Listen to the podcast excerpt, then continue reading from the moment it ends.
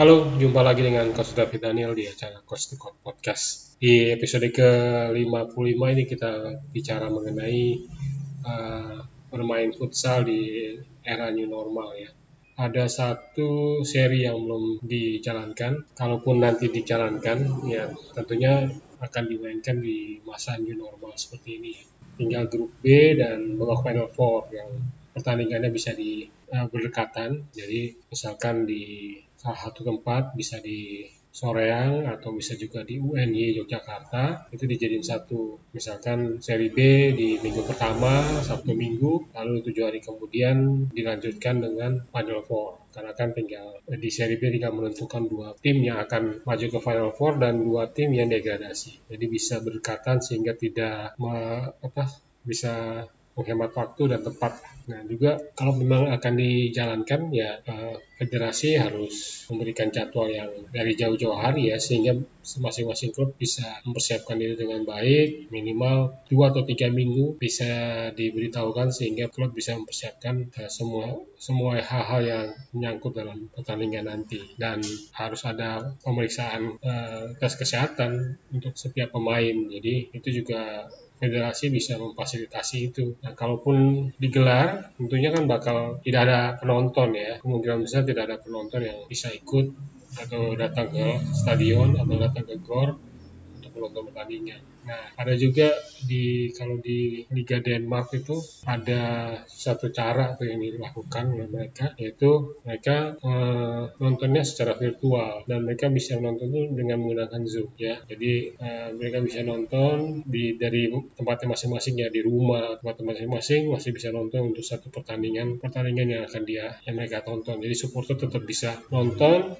secara aman di rumah masing-masing dan itu sudah digunakan dengan menggunakan aplikasi Zoom. Tentunya juga pada saat pertandingan nanti ada protokol kesehatan yang harus dilakukan seperti dengan social distancing ya seperti itu untuk jarak antar panitia, jarak antar pemain di bench, lalu pada saat technical meeting, pada saat di dalam lapangan maupun di luar lapangan meminimalisir kontak ya sebagai misalkan dengan tidak bersalaman, tidak melakukan selebrasi, terus juga pemain bisa satu orang satu botol minuman hingga itu dipakai eh, selama pertandingan atau selama mereka datang ke stadion. Kemudian juga untuk protokol kesehatan lainnya tentunya ya setelah bermain langsung harus mandi. Ya jangan bagi mereka uh, tentunya langsung membersihkan diri ya. Kemudian langsung naik bis bisa langsung ke hotel atau ke penginapan. Dan di penginapan juga tidak bisa main-main lagi keluar. Mereka harus stand standby di sana dan tetap harus jaga kesehatan dan jaga jarak sama lain. Jadi itulah ya faktor protokol kesehatan kebersihan itu yang perlu dilakukan pada saat liga nanti. ya seperti menggunakan masker, sarung tangan ya untuk perlengkapan atau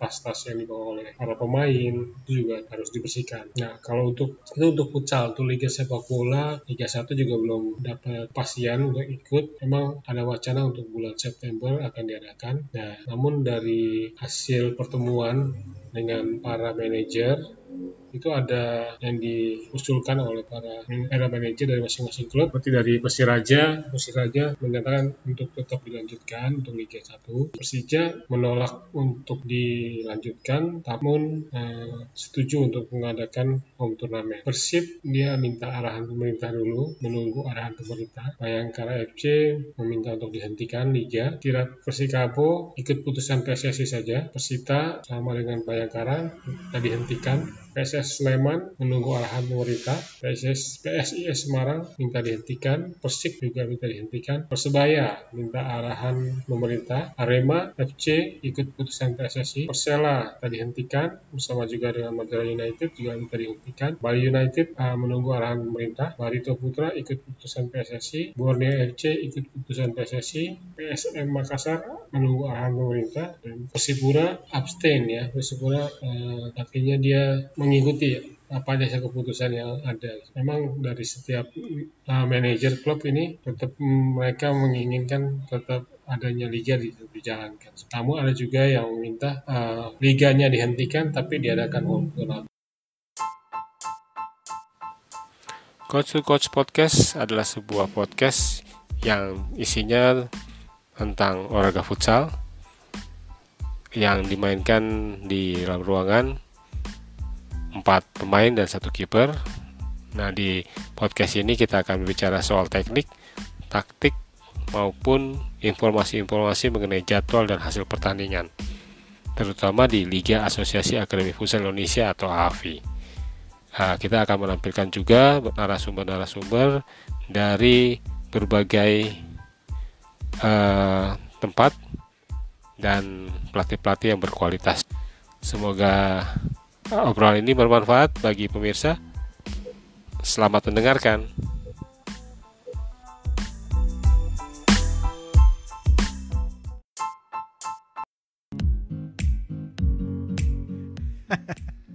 Baik sahabat RBK. Jakarta balik lagi. Aduh. Ini kayak harus diatur dari satu tahun sebelum. WFH bro. Mempersiapkan sesuatunya. Ada, uh, ada, ada. Agak rumit ya kalau. rumit ya, agak rumit. Tapi nggak apa-apa. Oke, oke, oke. Nggak apa-apa. Sama itu. Gimana? Namanya juga new normal bro kerumitan-kerumitan yang jarang kita atau nggak pernah kita jumpa itu pasti kita ketemuin nanti di new normal ya. Ih sedap. Termasuk soal nanti bermain futsal di era normalitas yang baru ini nih. sama nanti yang kan... kita perbincangkan sekarang nih ya. Benar. Oke. Okay, ya sama coach juga. David Nanolaita nih tentang main futsal atau futsal di di new normal. Ya itu tadi coach. Sebelum break tadi ada satu pertanyaan dari gua. Itu gimana ya dengan apa namanya dengan uh, para pengusaha-pengusaha yang nantinya ya mau nggak mau harus berkorban juga pemasukan yang berkurang gitu coach. Ya. Ya uh, seperti memang ada kayak seleksi alam sih ya buat hmm. tempat-tempat futsal itu. Seleksi alam. Siap. Iya karena kak ada tempat-tempat futsal yang mungkin seadanya aja mereka bikin tanpa uh, uh, indahkan uh, mungkin dengan jadi nanti ada lapangan-lapangan futsal yang uh, yang sudah siap untuk mm -hmm. uh, menghadapi new normal ini yang mungkin akan eksis gitu uh, dan tentunya memang uh, soal lapangan itu ya yang tadinya uh, misalkan dua lapangan hanya bisa satu lapangan digunakan mm. untuk di di rolling jadi jamnya jangan sampai dua-dua lapangan digunakan karena makin kalau kedua-duanya dijalankan berarti kan uh, ada terjadi penumpukan ya penumpukan iya. orang yang berkerumun di situ hmm. jadi memang itu mesti dari para pemilik futsal, lapangan futsal sih yang harus uh, siap-siap dengan kondisi tersebut gitu. Oke. Jadi nanti nah, kemungkinan uh, main futsal pakai masker nggak? Nah itu juga tuh coach gimana tuh ya nanti olahraga. Tapi udah ditunjukin sih ya Bundesliga nggak nggak ada iya, nggak iya. ada itu kan? Iya. Iya. Jadi tadi uh, peraturan permainan sih tidak ada yang berubah. Hmm. Hanya mungkin okay. uh, eh, ketika mereka datang ke lapangan aja mereka harus uh, pakai masker seperti itu, terus hmm. pakai hand sanitizer atau cuci tangan. Kemudian kalau ganti baju itu harus di tempat yang disediakan. Mungkin uh, hanya apa agak disiplin aja sih ya untuk hal-hal tersebut. Kemudian kalau masuk ke lapangan juga nggak bisa misalkan dua tim ya harus satu-satu harus masuk lapangan ya. seperti itu. Hmm. Kemudian yang penting lagi pada saat minum itu ya. mungkin disarankan untuk bawa minuman sendiri jangan sampai tertukar dengan yang lain atau okay. beli uh, beli air minum botol itu dikasih nama atau ditandain supaya nggak uh, tertukar lah untuk jadi tetap uh, protokol kesehatan itu protokol kesehatan itu harus tetap diikuti sih. Diikutin? Iya. Beberapa peraturan-peraturan baru tuh ya yang mungkin nanti yang tadinya mungkin lebih diperketat lagi berarti ya tadinya dibatesin gitu sekarang mungkin bener-bener di uh, pembatasan gitu. Uh, coach kalau pertanyaan lu ada pertanyaan nggak tuh gue banyak nih asik. Silakan silakan silakan. Ini ya, apa uh, coach ada apa namanya udah ada pemikiran belum sih uh, kira-kira pada saat di mana aja tuh yang uh, kemungkinan besar terjadinya apa namanya penumpukan gitu ya yang kayaknya untuk aturan new normal baru tuh agak nggak mungkin diterapkan di futsal gitu, coach? Iya, uh, mungkin turnamen ya. Turnamen kan sering uh, sering diadakan nih setiap Sabtu Minggu Ya, ya, kan. ya, ya, ya. Mungkin uh, uh, agak dibatasi juga untuk untuk turnamen tersebut. Mm-mm. Tentunya dengan Mhm. dengan tadi ya protokol kesehatan itu.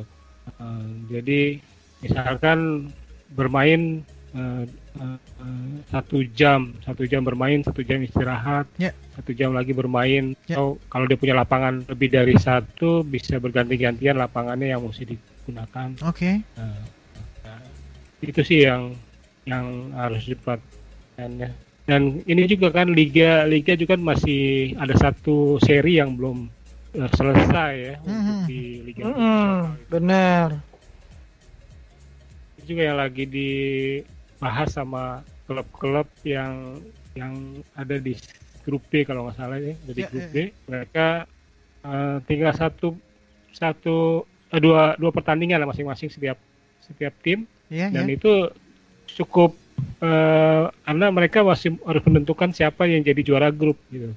Juara dan runner up untuk masuk ke final four dan dua tim yang akan degradasi gitu, untuk yang kategori putra. sih. Oh, oke. Ini eh, coach mau tanya juga dong kan sempat apa namanya kalau di lapangan besar itu aturan soal meludah ya. Itu nanti ada nggak sih di di lapangan futsal juga? Iya iya ada tetap ya ada seperti itu. Jadi peraturan untuk eh, melu- tidak meludah sembarangan ya kan Hmm. itu juga diperlakukan. Kemudian eh, apalagi ya, pada saat masuk ke lapangan kan biasanya kita ada anthem ya eh, FIFA Iya. anthem Tadap, itu, tadap, tap, tap, Ya. tadadadap.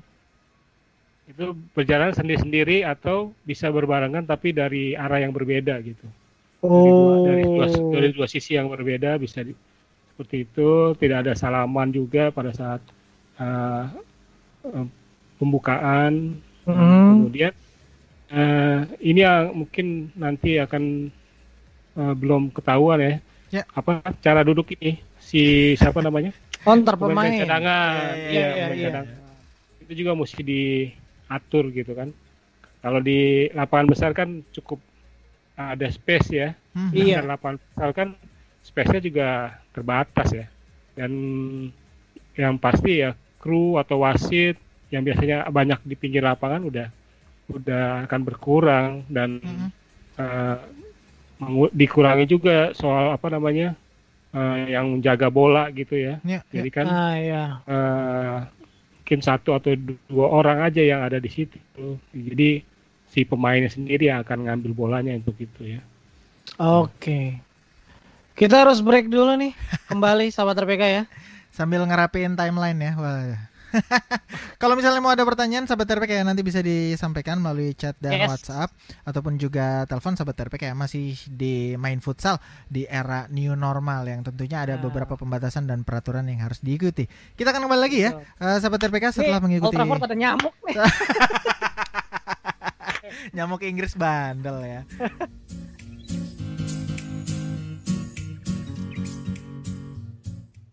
Udah, Aduh. udah aman, udah. Udah aman ya? Oke, ini Udah, beberapa udah. pembahasan menarik sahabat RPK tadi dikemukakan sama Coach David ya soal peraturan baru gitu ya. Juga mengikuti anjuran pemerintah soal apa new normal ya, terutama juga main futsal.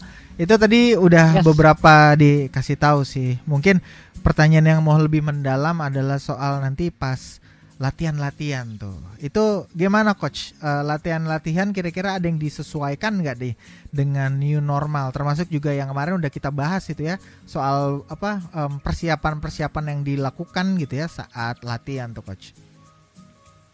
Iya, kalau untuk eh, tim-tim yang di liga profesional Mm-mm. yang ada kompetisinya memang akan eh, lebih jelas ya aturannya.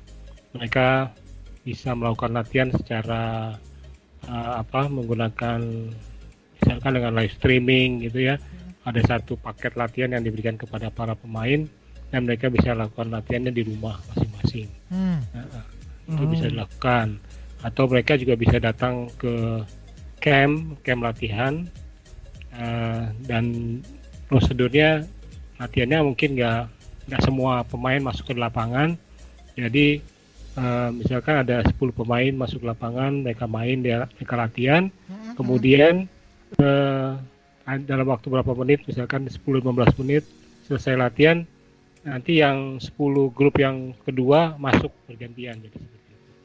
Dan juga pada saat Oke. mereka latihan jaraknya juga diatur dan lebih banyak latihan untuk individu sama small group ya artinya mungkin dua orang tiga orang yang latihan ber, latihan bersama seperti.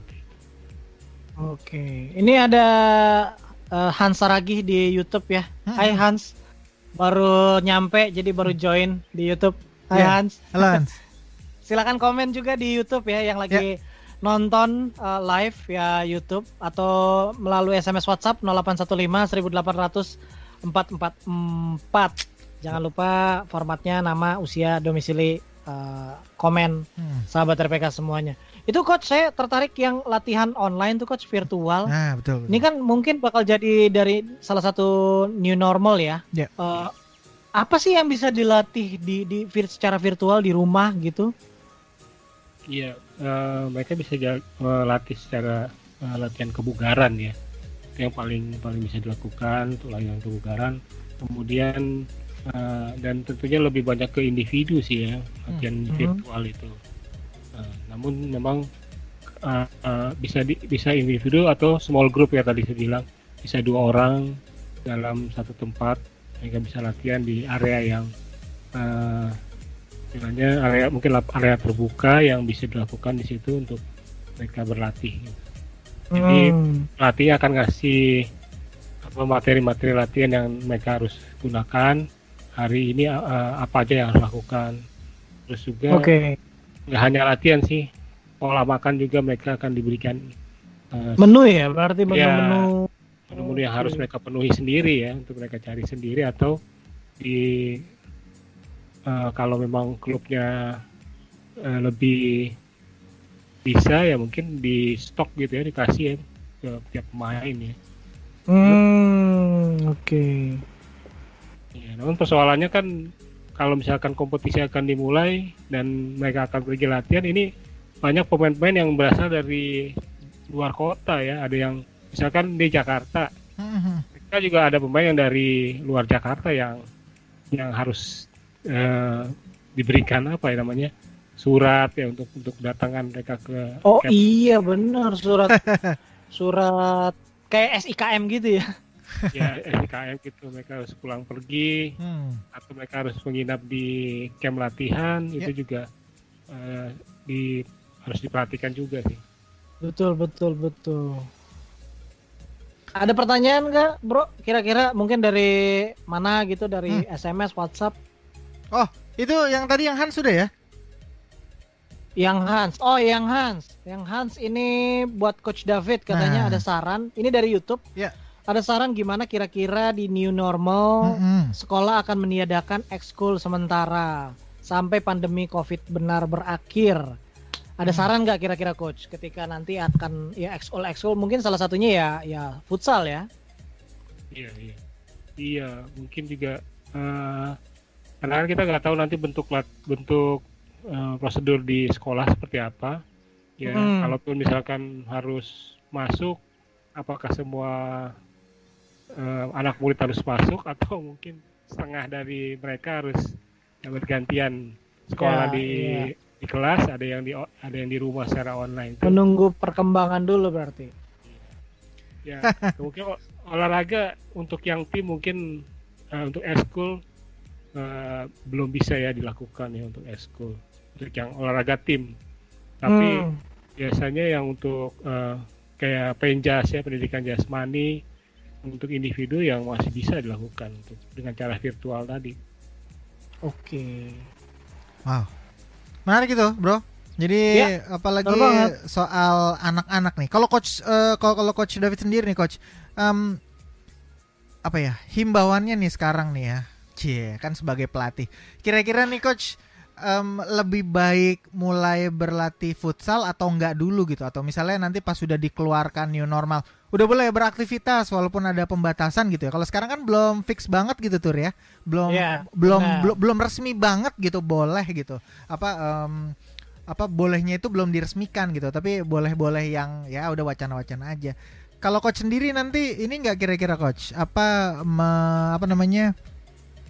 Aduh ganggu banget nih orang di depan. Apa? Ada orang di depan tadi ada bayangan warna hijau. Apa um, merekomendasikan gak sih coach untuk langsung atau ada jedanya dulu sejak sejak apa namanya new normal itu bener-bener dibeku eh dibakukan gitu ya? Misalnya bulan Juni udah mulai boleh gitu. Uh, ada himbauan gak kira-kira kalau dari coach sendiri? Kira-kira ya saya rekomendasiin misalnya seperti uh, uh, berapa minggu berapa minggu setelah gitu. Iya baiknya sih memang uh, kita sabar aja dulu ya menunggu ya.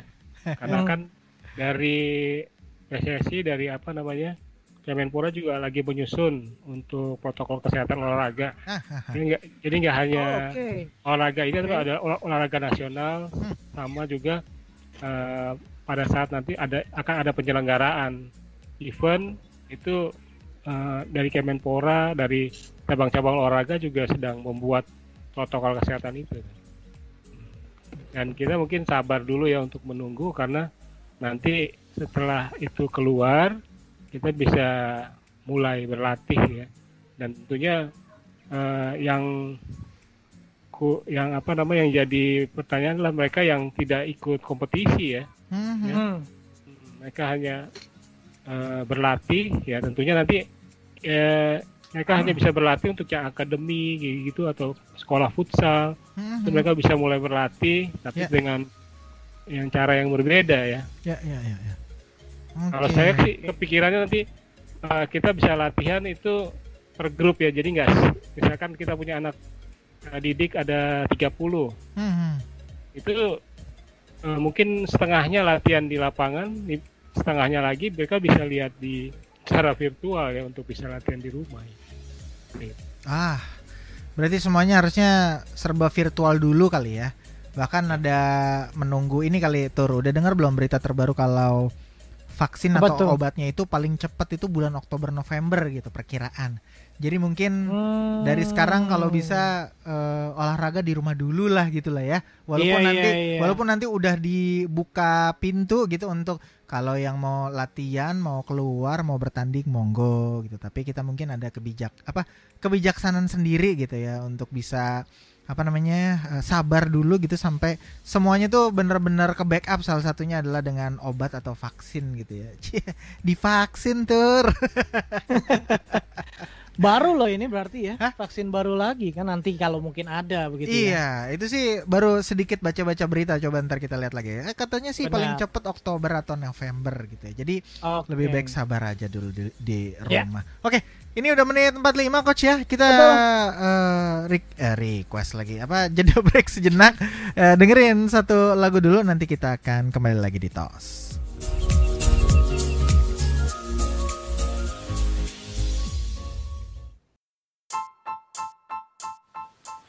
Coach to Coach Podcast adalah sebuah podcast yang isinya tentang olahraga futsal yang dimainkan di dalam ruangan empat pemain dan satu kiper.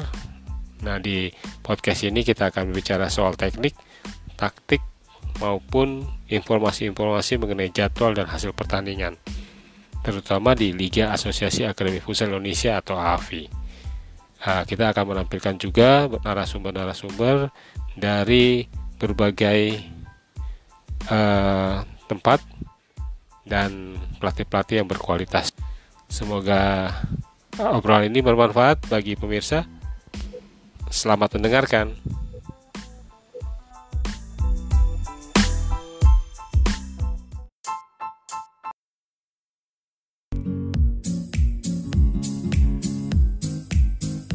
Dan kita balik lagi sama terpeka masih dengan teman olahraga sore sore.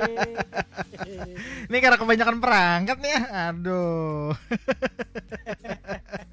Oke, ini menarik-menarik banget ya. Tadi juga apa namanya uh, coach juga ternyata punya sedikit pemberitahuan ya. Kalau uh, coach David ada kelasnya ya hari Sabtu ya coach ya? Coach? Iya, tiap hari Sabtu. Uh, uh, tapi kelasnya virtual ya? Iya, ya, jadi uh -uh. Uh, menggunakan aplikasi yang ada di seperti kayak Zoom gitu ya. Oh, oke. Oke. Jadi uh, virtual coaching with Coach David Laita via Zoom gitu ya. Oke. Tuh. itu mata Hah, hah, mata pelajarannya sama kayak biasa, Coach. Eh, jadi eh, semacam kayak eh, ini ya teori banyak yang teori misalkan seperti kemarin kita eh, temanya tuh kayak clever movement to create space artinya dengan teknik blocking Hmm. jadi kita kayak ing- ingetin lagi pemain bagaimana cara, cara blocking eh, kemudian Oke. dikasih ada video-videonya untuk mereka bisa lihat lagi dan supaya mereka ingat apa yang eh, bisa lakukan teknik-teknik cara ngeblok lawan terus saat offense atau pada saat defense terus sebagai jaga gawang seperti apa itu Mhm. dibahas di kelas itu. Wow.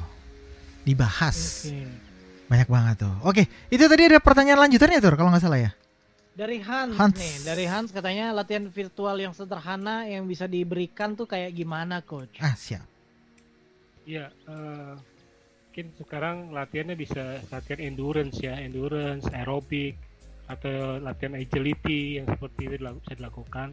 Kalau teknik mungkin bisa latihan ball control ya, atau Mhm. ball feeling, Mhm. eh, supaya pemain tuh nggak hilang sentuhannya deh pada saat di selama COVID-19 ini ya.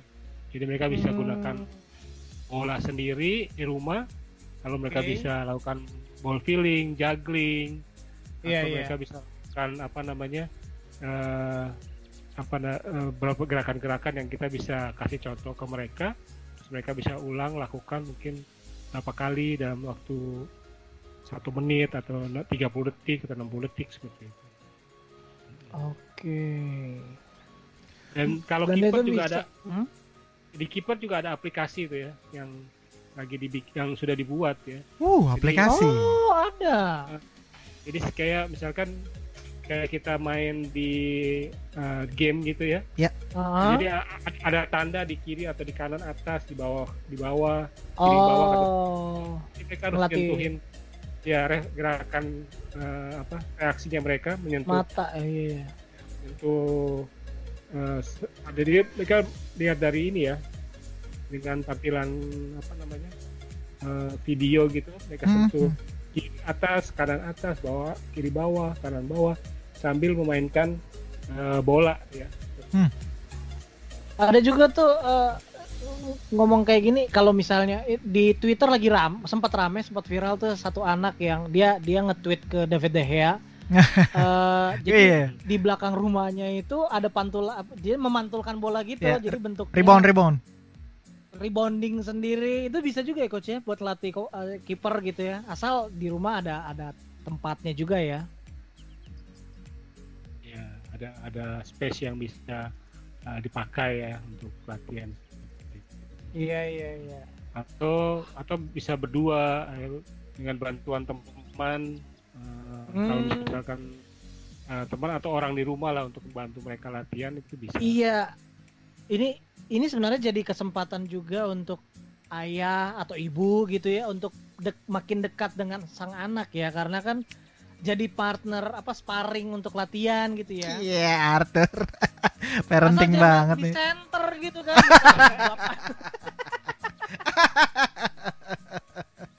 Aduh, aduh, aduh. Oke, eh, coach. Kalau coach lihat nih, kan sekarang nih mau nggak mau semua pembelajaran ya mau pendidikan mau apa pun termasuk olahraga dan futsal itu mau nggak mau virtual dulu gitu ya. Nah itu kan salah satu referensi untuk latihannya untuk virtual kan bukan mau nggak mau ya satu-satunya yang paling lumayan banyak dan bisa diakses itu kan melalui YouTube ya, bukannya promo gitu. Nah kalau menurut coach sendiri di YouTube sendiri gitu ya untuk konten-konten pelatihan atau coaching soal futsal itu udah cukup atau belum sih coach gitu dan apa aja tuh kira-kira misalnya punya rekomendasi gitu Iya, eh, mungkin memang banyak sih ya, Ya. di di uh, YouTube gitu ya. Nah, tapi kayaknya eh, untuk di dari kita ya dari di pelatih pelatih Indonesia ini masih banyak yang belum berikan Hmm. informasi. Oke. Karena kan kadang-kadang ya, kita banyak terima dari luar, tapi eh, dari kita juga kurang mensosialisasikan juga ya. Hmm. Jadi kadang-kadang kayak anak-anak juga harus banyak uh, apa lihat yang ada di Indonesia ya. Hmm. Karena kayak seperti di kelas futsal saya itu video-video yang saya tampilkan adalah video-video pertandingan yang ada yang ada di Indonesia. Hmm, tiga okay. liga di Indonesia. Jadi mereka juga bisa lihat oh iya uh, di dilakukan juga ya di sini. Jadi nggak hanya ngelihat uh, apa video yang dari luar negeri, ya, hmm. tapi di, di Indonesia juga sama sih seperti yang mereka udah pernah lakukan ya. Jadi hmm. apa? Uh, jadi kalau mereka ngelihat uh, orang Indonesia sendiri atau pemain kita yang yang bermain dan melakukan hal yang uh, seperti yang secara teori itu melakukan benar, ya, mereka juga bisa uh, bisa siap lakukannya. Jadi kayak idola saya tuh melakukan itu juga tuh ternyata. hmm, jadi nggak nggak hanya si Falcao yang dari Brasil, tapi iya iya uh, pemain Indonesia juga lakukan yang sama, bisa lakukan yang sama gitu. Hmm. Oke. Okay. Jadi mereka bisa ngeliat, oh ternyata pemain Indonesia bisa main bola juga, misalnya kayak gitu ya. Jadi nggak melulu Messi, Ronaldo gitu ya, ataupun yang uh, lain gitu. Jadi mungkin dari luar udah banyak, tapi dari dalam Indonesia sendiri yang mungkin referensinya masih agak kurang gitu, coach ya. Iya. Yeah. Oke. Okay. Oke, okay. ini emang mau nggak mau katanya ya harus uh, virtual ya ini di era masuk ke new normal itu udah nggak terhindarkan memang. Oke, okay. uh, eh, terus ada pertanyaan? Uh, udah sih. Oke. Okay. Dari gue udah karena hmm. visa gue makin uh, eh, gue harus perpanjang visa, visa di Oke, okay. mungkin di terakhir coach mungkin ada uh, pesan dan juga himbauan ya terutama untuk para sahabat RPK pecinta futsal yang mungkin nanti pemerintah sudah buka pintu untuk boleh beraktivitas uh, secara new normal gitu ya tentu dengan mengikuti kebijakan. Mungkin dari seorang pelatih gitu ya mungkin bisa dihimbau sekali lagi nih kira-kira um, untuk ke lapangan itu pas kapan bagaimana dan apa saja yang harus diperlengkapi Siap, gitu coach. Iya. Um, buat uh, teman-teman yang suka main futsal itu mungkin bersabar dulu ya karena kita kan akan menunggu hasil dari uh, pertemuan dengan Kemenpora mengenai hmm. pembuatan protokol kesehatan. Ya. Ya, di ya. protokol yang siapkan di bidang olahraga. Ya. Nah, nanti akan diberikan secara nasional ya bagaimana uh, menghandle tempat-tempat latihan futsal, hmm. kemudian apa yang harus dilakukan dan juga kita jangan terlalu buru-buru untuk datang ke lapangan futsal gitu kan, karena uh, tunggu kesiapan dari si pemilik lapangan futsal itu untuk menyediakan protokol kesehatan kalau kalau mereka nggak punya itu ya harus bisa menilai. Iya yeah, betul betul betul. Tempat tempat itu bisa kita apa datangi atau enggak yeah. ya kan kan konyol juga kalau misalkan gara-gara main futsal. Iya. Terpapar positif. Jadi bikin klaster baru di situ ya. Benar. Hmm. Dan jangan sampai demo di depan ituan ya tempat apa futsal buka buka gitu dibuka disuruh buka.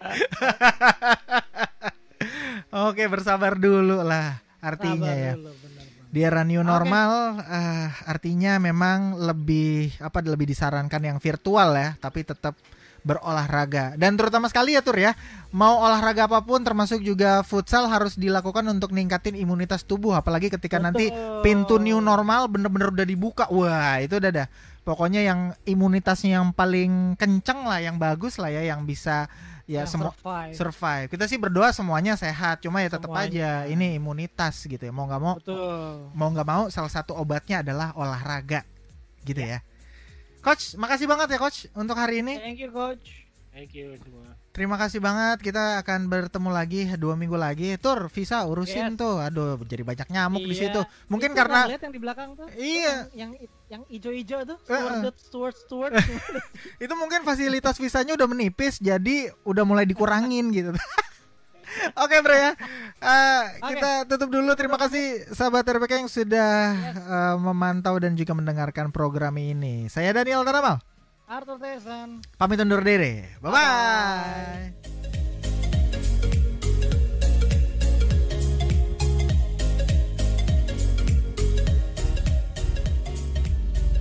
Itulah perbincangan saya di acara teman olahraga sore-sore. Eh, semoga terinspirasi dan salam futsal Indonesia.